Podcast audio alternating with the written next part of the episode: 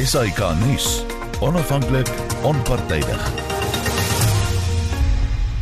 Welkom by Finansie Kommentaar. My gaste is professor Amanda Gous, politieke ontleder van Universiteit Stellenbosch. Goeienaand Amanda. Goeienaand Susan en goeienaand aan die luisteraars. Burgerlike aktivis en sakeman Crispin Son. Goeienaand Crispin. Hi Susan, goeienaand. En die voorsteur van die Solidariteit Beweging Flip Buys. Goeienaand Flip.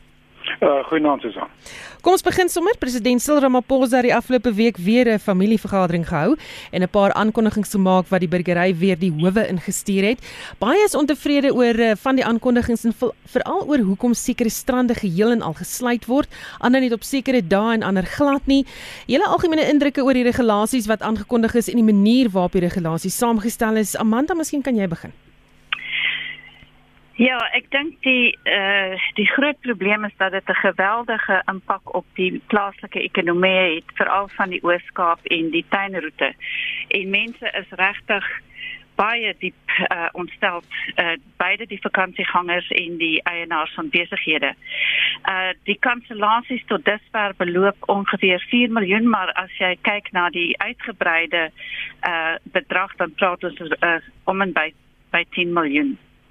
Nou ek dink wat uh, wat nie duidelik is nie is dat ehm um, hoekom hierdie besluit geneem is in in die manier waarop dit geneem is dat dit net sekere strande is dat dit nie ook die hele Weskaap raak nie.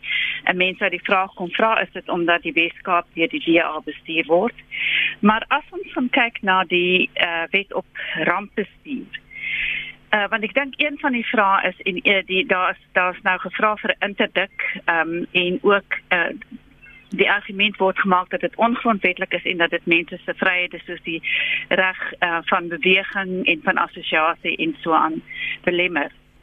Maar as ons dan kyk na die die wet op rampbestuur, dan sê die wet, dit sê nie watter regte opgeskort kan word nie, maar dit sê daar moet 'n forum en ek sal uh, aanneem dit is die command council, uh wees wat spesialiseer in in rampbestuur. En dat dit dit ook lede van die provinsiale en plaaslike regerings moet insluit. Nou wat hierdie uh forum moet doen is um in die eerste plek om risiko's te verminder maar hulle moet ook navorsing doen en hulle moet inligting prosesseer en analiseer. Ehm um, en dit moet gedoen word in ooreenstemming met georganiseerde besigheid en georganiseerde arbeid.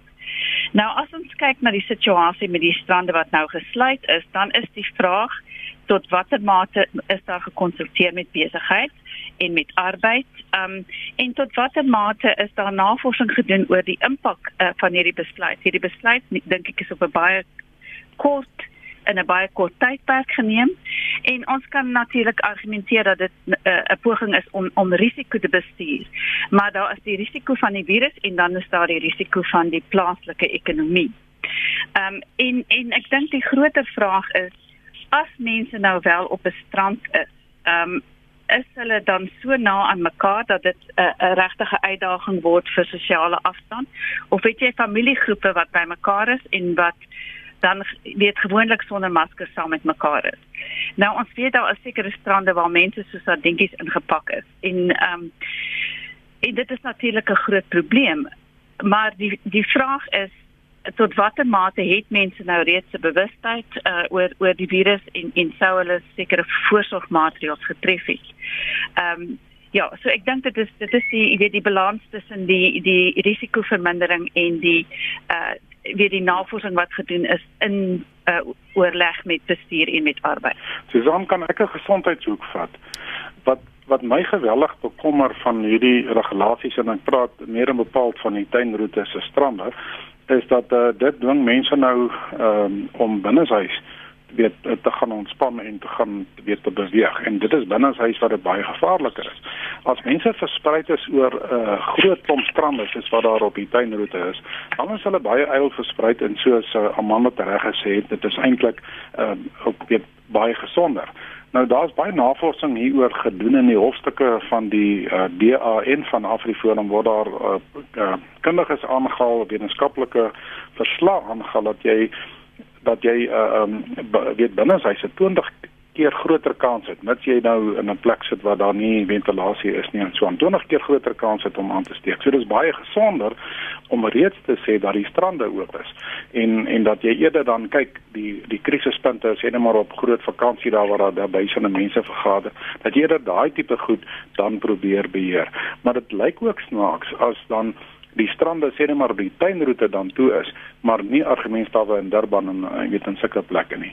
So dit is 'n baie vreemde besluit en dit kan die probleem uit 'n gesondheidsoogpunt kan dit die uh, verspreiding van die virus vererger deurdat dit mense dan uh, binne huis dwing.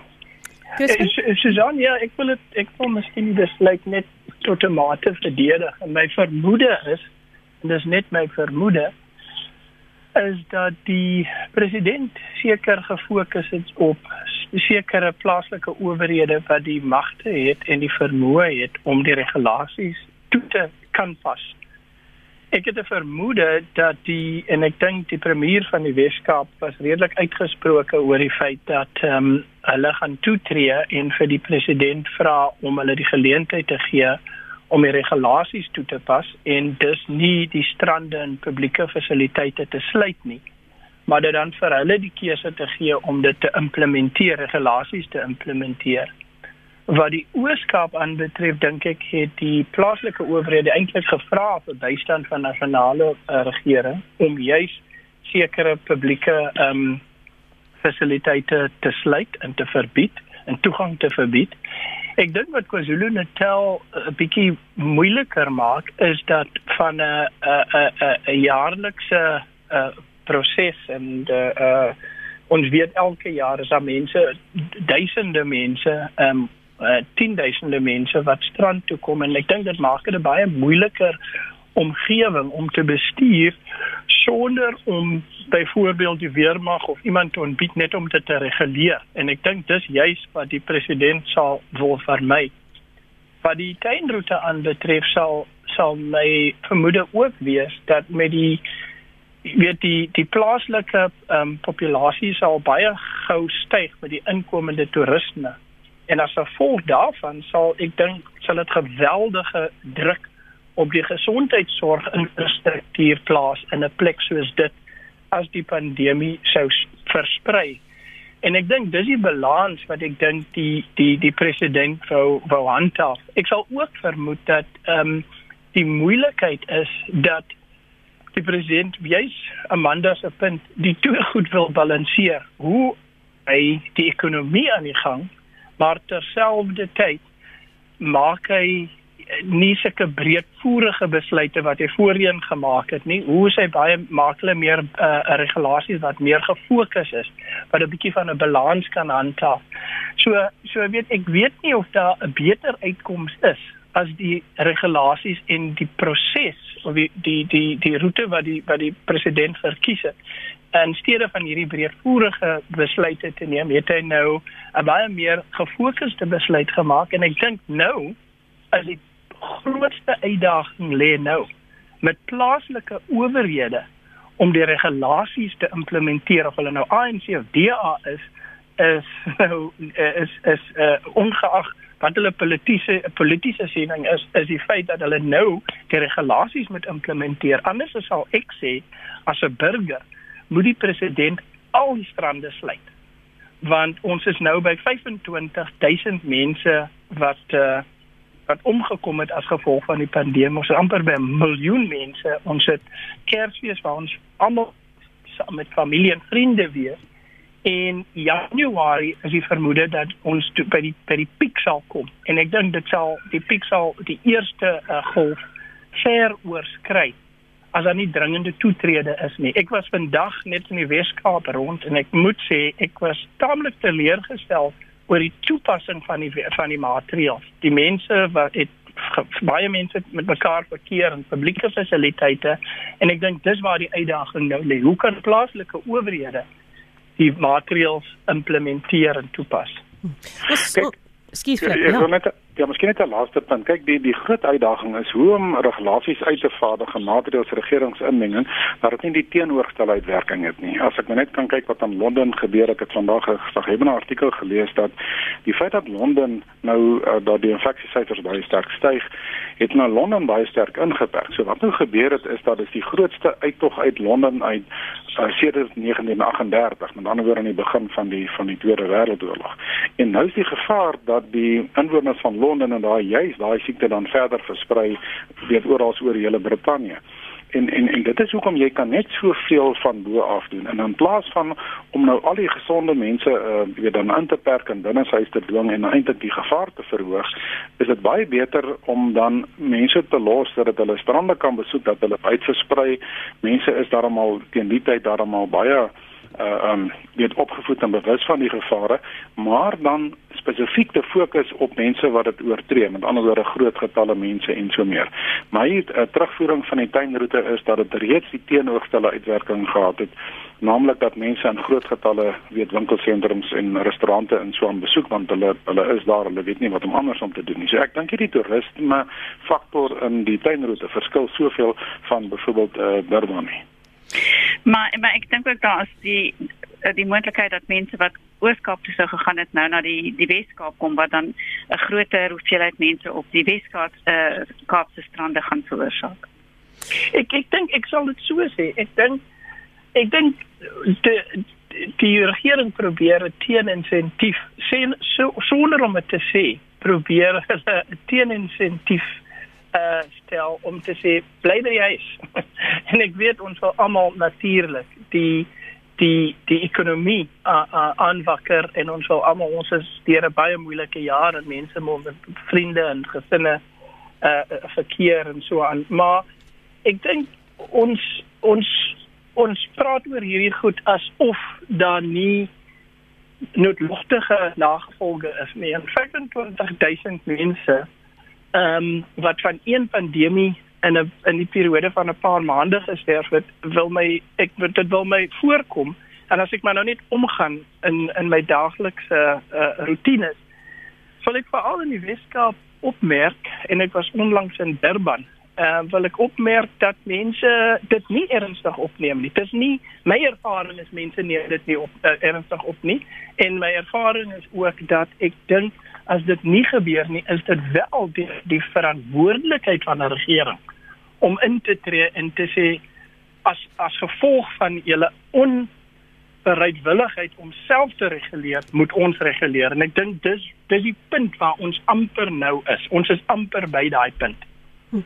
Ons gaan nou verder daardie kwessie deurtrap want dit hou ook verband met 'n uh, geval die afgelope week. Som net 'n uh, weet vir inligting, daar's tans 912477 uh aangemelde of aangemelde gevalle met uh, 10939 nuwe gevalle die afgelope 24 uur. Ons wag vir daai statistiek van die departement van gesondheid om weer in te kom.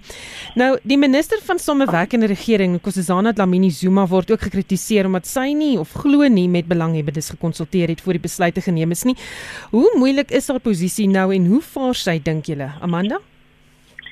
Wel, ek vind dit is glad nie verskillend van hoe dit uh, reg van die begin al was met die uh staat van inperking nie waar waar sy sekere besluite geneem het, maar dit word ook uh, deur die wet op rampbestuur aan haar toegeken. I mean, dit is die minister uh, wat verantwoordelik is vir rampbestuur.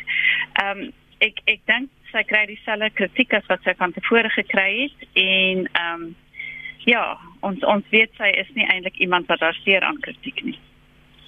Ja. Flip Ja, ehm um, kyk ek sal uh, ek glo dat dit sien moet nie gemeet word aan hulle uitsprake nie, maar aan hulle uitkomste.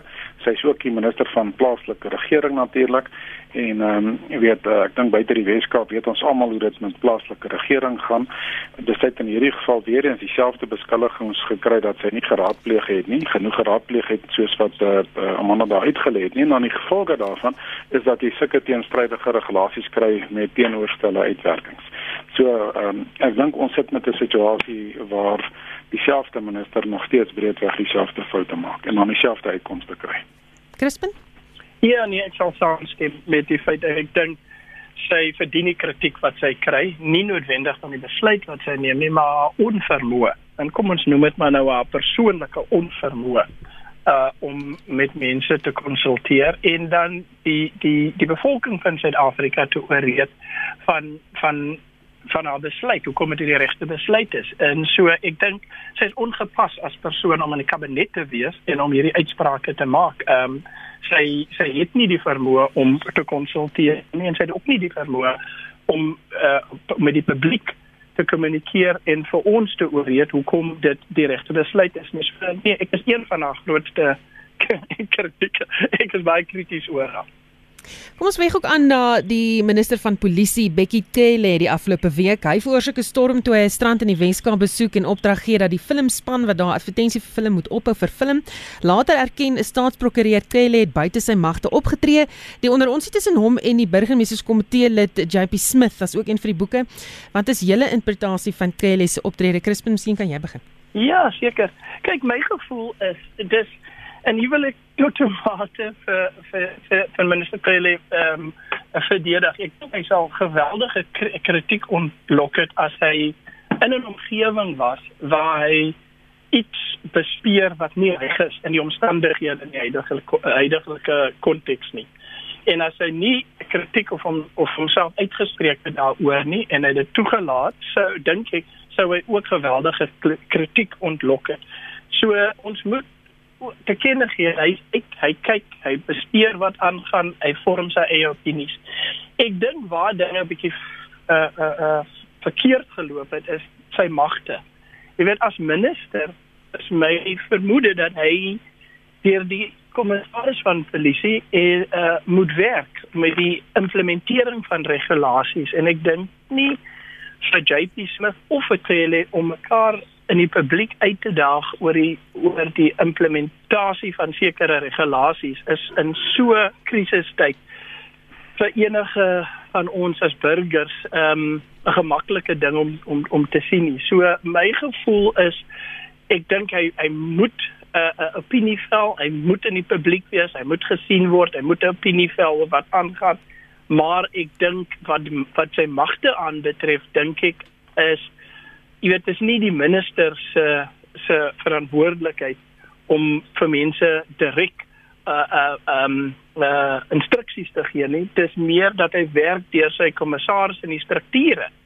En ek dink dis uh, waar ek uh, ongemak het. Maar ek dink dit is wel ook sy rol om in die publiek uit te gaan en sy opinies te, te vorm.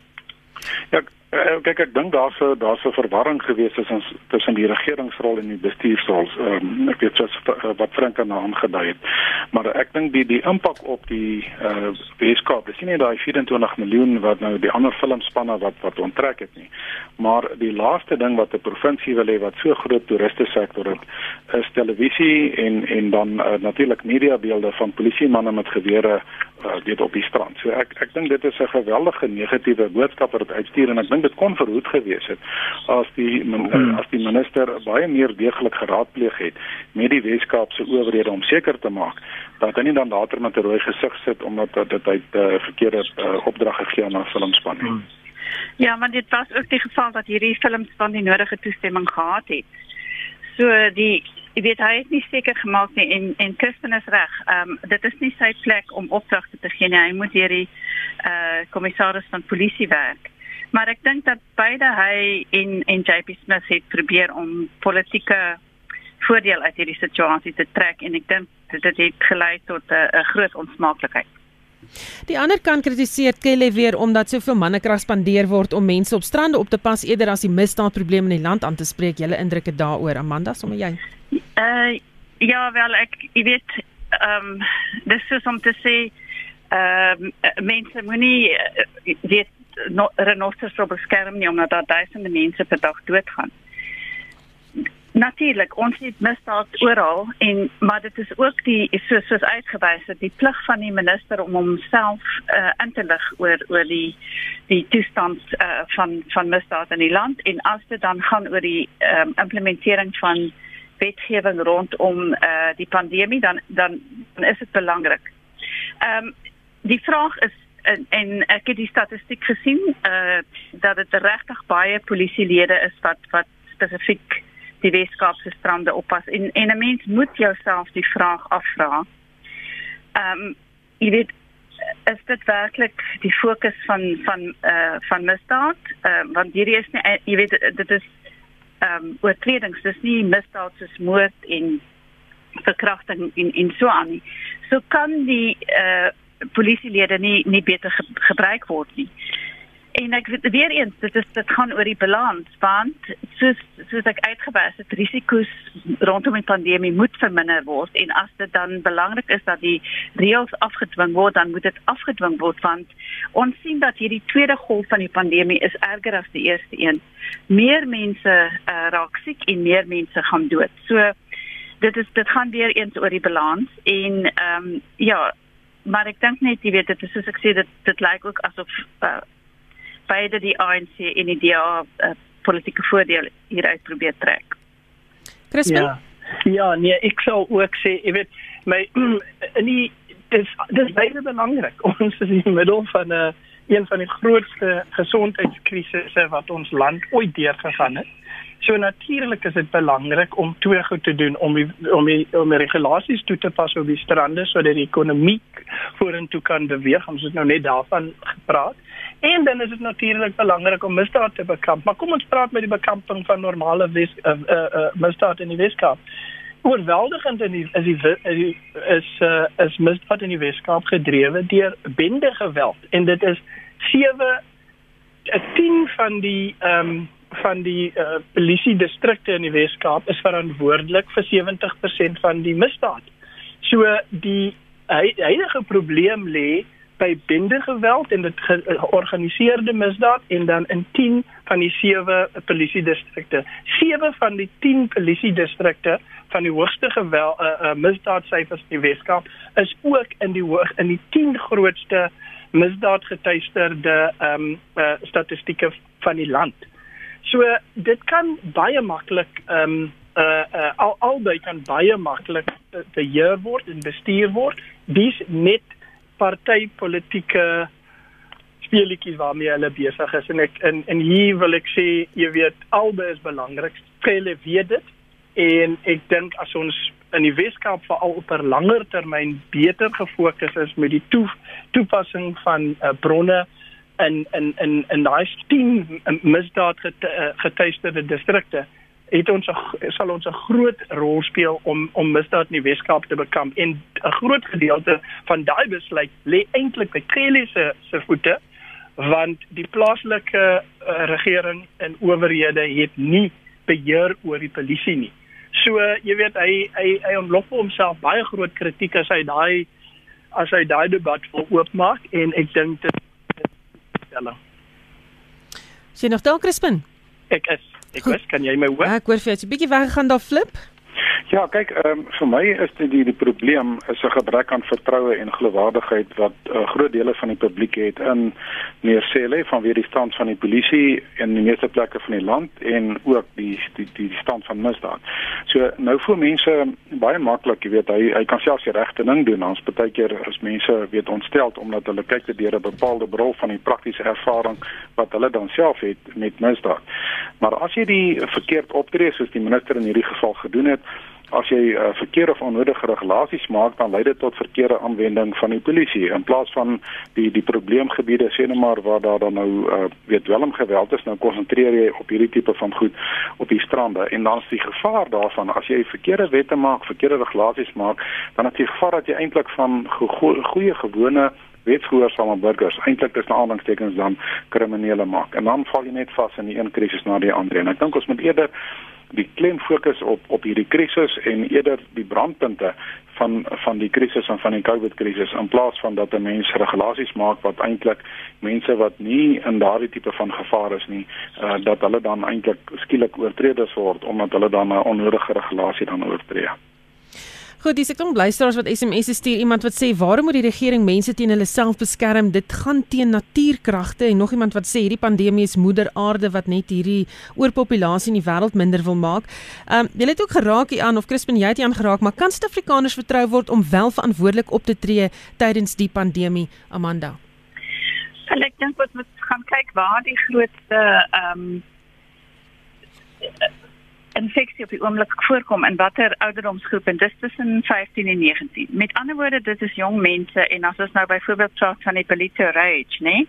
Daar het 1000 kinders ehm um, 'n uh, infeksie gekry van die virus.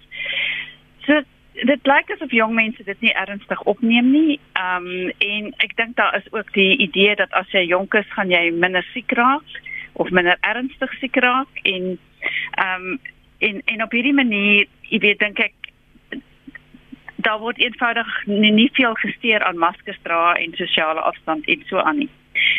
Maar wat ons sien is dat dit is nou baie nader aan mense as in die verlede. As ek byvoorbeeld my eie situasie vat, ek het nou 3 vriende wat in die laaste week in kontak was met iemand wat positief getoets het. Tydens die eerste golf was daar het ek nie iemand geken wat, wat positief getoets het. En dit is wat mense reg oor die land nou sê is dat dit is baie nader en dan het jy mense in in 'n hoë risiko kategorie ouer mense, mense met ehm um, komorbiditeite ehm um, en so aan. En ek dink dit is die dit is die uh die vraagstuk nou is Ek dink ook op op hierdie stadium is mense net so moeg van die staat van inperking. Ons is moeg van nie in staat wees om ons eie ding te doen nie. Dat mense goeie goeie oordeel oorboord. En en dit is waar die pandemie ons gaan kry. Die feit dat ons ons 'n soort van uh nie meer uh die Engelse woord is vigilant is nie. Ehm um, en dat ons basies nie steur uh, aan die reëls en ek dink dit is die kopseer waarmee die regering op die oomblik sit. Flip Ja, kyk, uh, ek dink uh, dit is 'n groot probleem dat nie almal verantwoordelik optree nie. Dit is baie belangrik hierdie virus is nie 'n speletjie nie. Dit is 'n uh, totaal onverantwoordelik as mense dan nou deelneem aan groot partytjies binne huis met swak ventilasie en so aan. Wat die uh, balletto reis en van hierdie ander uh, um, syfers betref, wil ek net sê daar is ook verskillende menings oor die syfers. Mense wat sê dit is onmoontlik dat dit 'n 90% infeksiekoers kan hê en uh, hulle het nou ander studies gekyk wat weet maar my punt is al is dit 20%, dan is dit nog steeds onverantwoordelik. So ehm um, mense weet moet hulle self verantwoordelik gedra maar ek wil sê dat die dat die dilemma is dat wanneer ehm, 'n um, virus so maklik versprei soos wat 'n mens hoor dan dan is dit nogal baie moeilik. So ek ek dink dat Ehm um, aan die een kant sit ons met die feit dat ons wil wil hê mense moet meer verantwoordelik optree. Die punt is net dat ek nie glo dat dit van moontlik is van bo af om met regulasies mense se se gedrag so te verander nie. Mense sal moet self verantwoordelikheid neem. Natuurlik moet daar regulasies wees vir vir uiterste gevalle. Ek ontken dit nie maar ek dink wat ons tot nou toe gesien het met al die onnodige regulasies wat wat ons gehad het in die land het dit eintlik die teenoorgestelde uitwerking gehad dat mense eintlik baie skepties raak uh, teen uh, selfs goedbedoelde regulasies en dat hulle dit naderhand nie meer wil gehoorsaam nie. En, en dit is hoekom dit geweldig belangrik is dat wanneer daar regulasies uitgevaardig word daar baie goed geraadpleeg word dat dit op behoorlike onomstotelike wetenskaplike feite gebaseer is en dat die persone wat dit afkondig dan wat my betref eerder mediese moet wees as politici wat wat reeds uh, in 'n bepaalde kringe dalk omstrede mag wees. 'n Geloofwaardige medisy is hier genoeg van in die land. Ons het van die top medisy en ek dink die publiek sal hulle eerder glo as wat uh, jy weet mense suiwer ehm um, dit polities vertolk en dan het jy nou die konflik wat ons nou hierso byvoorbeeld in die Weskaap op die strand gekry het. Crispin nog 'n laaste ja, woordjie daaroor? Ja, die is so aan die luisteraar wat ingeskryf het om te sê dat jy weet hoekom wil die regering nou vir ons reguleer en en en ons lewe so reguleer dis mos ons eie gesondheid. Ja, ongelukkig nie. Want en, en net as jy kyk na die mediese navorsing wat ons almal nou weet is jy weet nie of jy die virus dra nie. So jy is in 'n periode is jy in as jy verantwoordelik vir al die mense om jou se gesondheid. En dit is op hierdie stadium nou soos ons almal weet 'n lewe in doodskrisis. So ongelukkig gaan dit nie net oor jou nie. Dit gaan oor die mense met wie jy verkeer en hoe jy jouself bestuur in hierdie in hierdie krisistyd. So as dit maar nou net was dat 'n persoon die virus kontrakteer, hy of sy gaan in kwarantyne, hulle maak dit of hulle maak dit nie, dan is dit ja, dan kan jy maar argumenteer is my lewe, ek kan ek kan ek kan doen wat ek wil daarmee. In hierdie geval is dit heeltemal die teendeel. Jy is verantwoordelik vir mense om jou se gesondheid en hulle lewe in dood in dood. Ons is nou ongelukkig as 'n familie net daardeur. My oudste seun het positief getoets. Hy het nou net deur sy kwarantyneperiode. Ons het 'n oom van my vroeër in die jaar begrawe as gevolg van COVID. Ek het 'n goeie vriend onlangs verloor, Stan Henkemann. En dis mense wat wat wat wat die virus gekry het van ander mense. En dit was verhoedbaar as daai persoon nie kontak gehad het met die mense wat nou ehm um, die duurste prys betaal het daarvoor nie. So ja, dit ek kan mos nou nie saamstem met persoon dat dit oor oor jou gaan nie. Dit gaan oor hoe jy op hierdie stadium 'n negatiewe of 'n positiewe uh, bydrae kan maak teenoor die samelewing deur jou gedragspatrone. Goed, kos gesels 'n bietjie oor iets anders as uh, COVID. Dit is natuurlik op almal se lippe is COVID-19 en uh, die verspreiding van die siekte is is, is teen 'n weet ongelooflike tempo tans. Um maar ander nuus van die week, Ysmagashule en die ANC se integriteitskommissie nadat die verslag na bewering doelbewus uitgelek is al dan nie en die aanbevelings wat almal laat regop sit het. En toe Ysmagashule wat sê die NK moet hom vra om te loop en dit beteken ook nie dat hy dan op sy sal staan nie. Die NK word gekastei uh, oor sy besluitloosheid. Raak hierdie 'n politieke tamaletjie waar die ANC homself moeilik gaan kou. Um flip Ja, baie beslis. Dit raak 'n baie groot uh, tamaletjie. Die uh, eh, NK die Waafrikantlyn geskop dit dit hulle eintlik gesê die integriteitskomitee moet uh, moet die saak ondersoek terwyl hulle alreeds in Augustus as ek reg onthou besluit geneem het dat mense wat dan uh, weet beskuldig word moet dan op sy staan.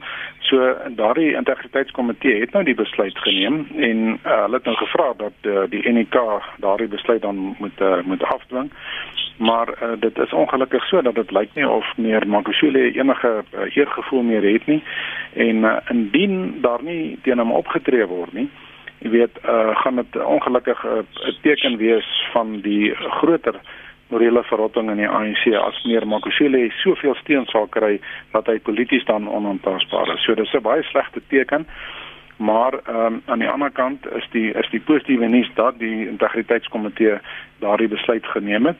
En um, kom ons kyk wat uh, gebeur vorentoe maar ek dink meer uh, eh, Ysmakosule hoe hy hanteer word vorentoe gaan eintlik 'n aanleiding gee van die groter uh, morele stand in die regerende party en dan ook daarmee saam in die regering want ons sit met 'n krisis dat ons weet almal wat het in die voorafgaande jare verbeur, gebeur met staatskaping. Ons sit met kommissies, daar's boeke geskryf, daar's al baie goed gedoen, maar ehm um, en daar sprake hier van 'n aanklag en daar van 'n van 'n hofverskyning, maar dat dat in werklikheid het mense nog nie die resultate gesien nie. En voordat daardie resultate nie daar is nie dat uh, almal van ons weet al die die navorsing het gewys dat wanneer korrupsie nie van bo af vasgevang word nie dan gaan dit nie aan die onderkant stop nie.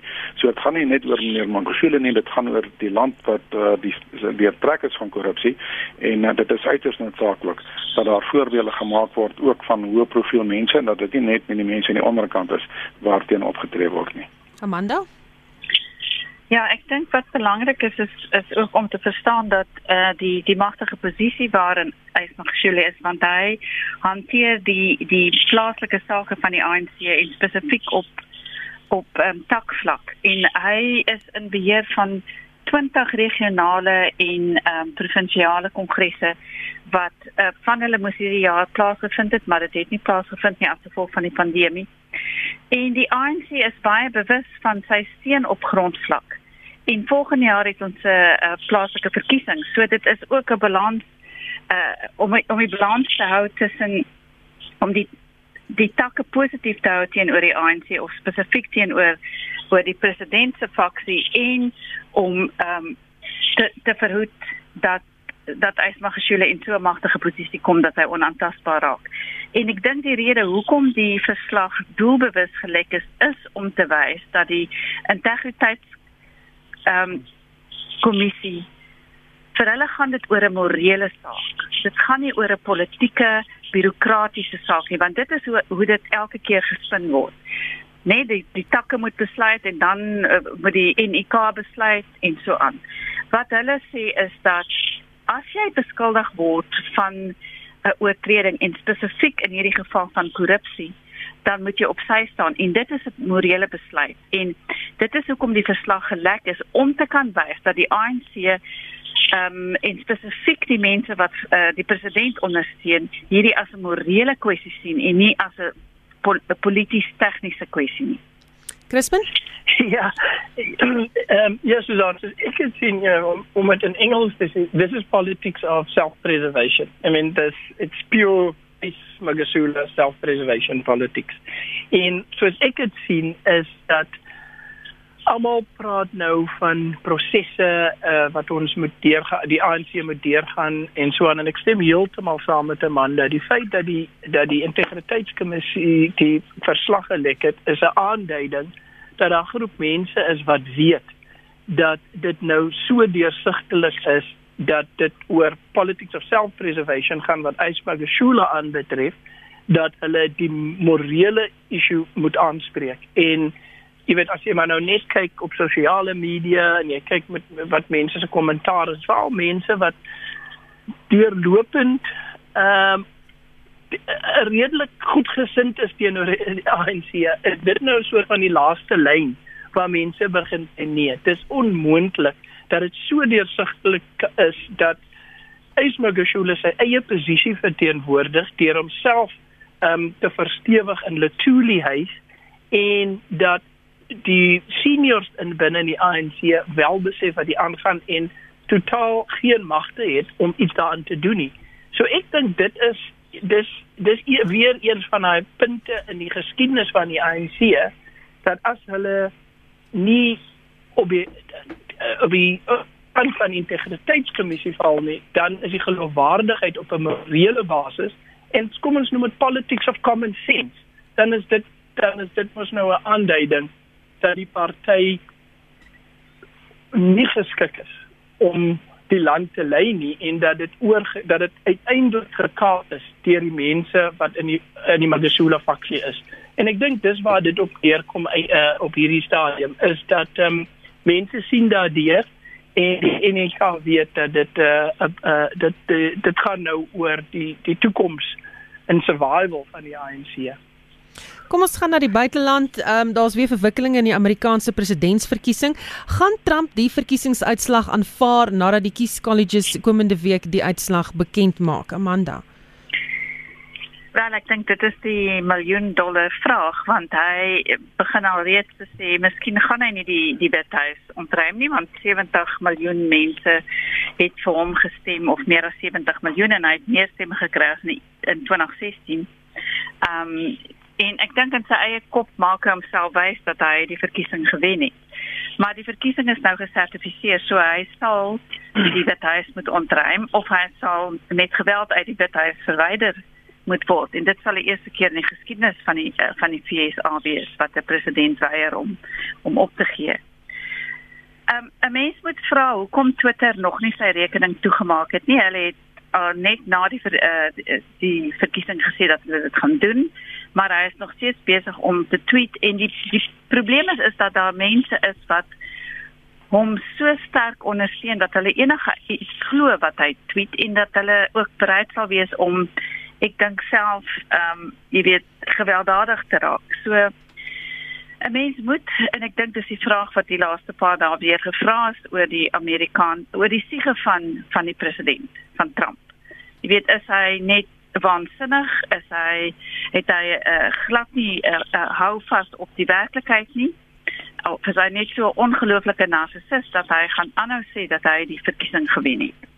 Crispin Ja, kyk ek ek ek dink dis weer eens 'n 'n 'n saak van politics of self-preservation. Ek weet ek dink hy weet dat daar 'n groot ehm um, moontlikheid dat hy 'n uh, krimineel vervolg sal wees ehm um, wanneer hy uit die uiteindelik uit die wethuis gesit is. En ek weet hy, hy is ook besig ek ek vermoed hy is ook besig om te kyk hoe sy lewe na ehm um, uh, Biden se toetrede na die uh, uh, hy sal sal sal HPL. So ek dink hy is besig om die fondasies te lê vir 'n uh, post White House ehm um, lewe en hy speel in die hande van 'n baie verregse ehm um, 'n uh, verregse gemeenskap en hy probeer dit opbou as 'n basis uh, wanneer hy uiteindelik ehm um, sal moet aanvaar dat hy nie meer president is nie. En ek dink dis die twee faktore en ek dink eh uh, so narcissisties soos hy is, dink ek is hy ook uitgeslaap genoeg om te weet dat hy vervolg sal wees en hy moet uh, 'n uh, posisie bou daarteen en tweedens dat hy 'n lewe na presidentskap moet begin bou en hy's besig om die fondasies van dit te lê. Flip 30 sekondes, die laaste woord is joune. Vinnig. Ja, ek wil net sê dat uh, weet as ek bietjie breër as die meneer Trump self kan kyk, dan is daar 'n baie groot konflik in Amerika. Ek noem dit amper die tweede Amerikaanse burgeroorlog. Dit is baie hartseer. Dit is die oudste moderne demokrasie en daar's 'n wye gevoel van die Republikeine af dat die Demokrate wou nie die 2016 oorwinning van Trump aanvaar nie. Hulle het die hele tyd teen hom geveg in sy termyn en ek is baie bekommerd dat die Republikeine nie hierdie verkiesingsuitslag uh, sal wil aanvaar nie en dat dit net gaan lei tot uh, toenemende konflikinspanning in Amerika. Baie dankie. Dit natuurlik my gaste vir vanaand se kommentaar. Komende Sondag die 27ste sal Heinrich en sy paneel terugkyk oor die ongewone nuusjaar van 2020. En uh, my gaste was professor Amanda Gous, politieke ontleder van die Universiteit Stellenbosch, burgerlike aktivis en sakeman Crispin Son en die voorsteur van die Solidariteit Beweging Flip Buys. Baie dankie julle. Ek is Susan Paxton. Geniet jou aand.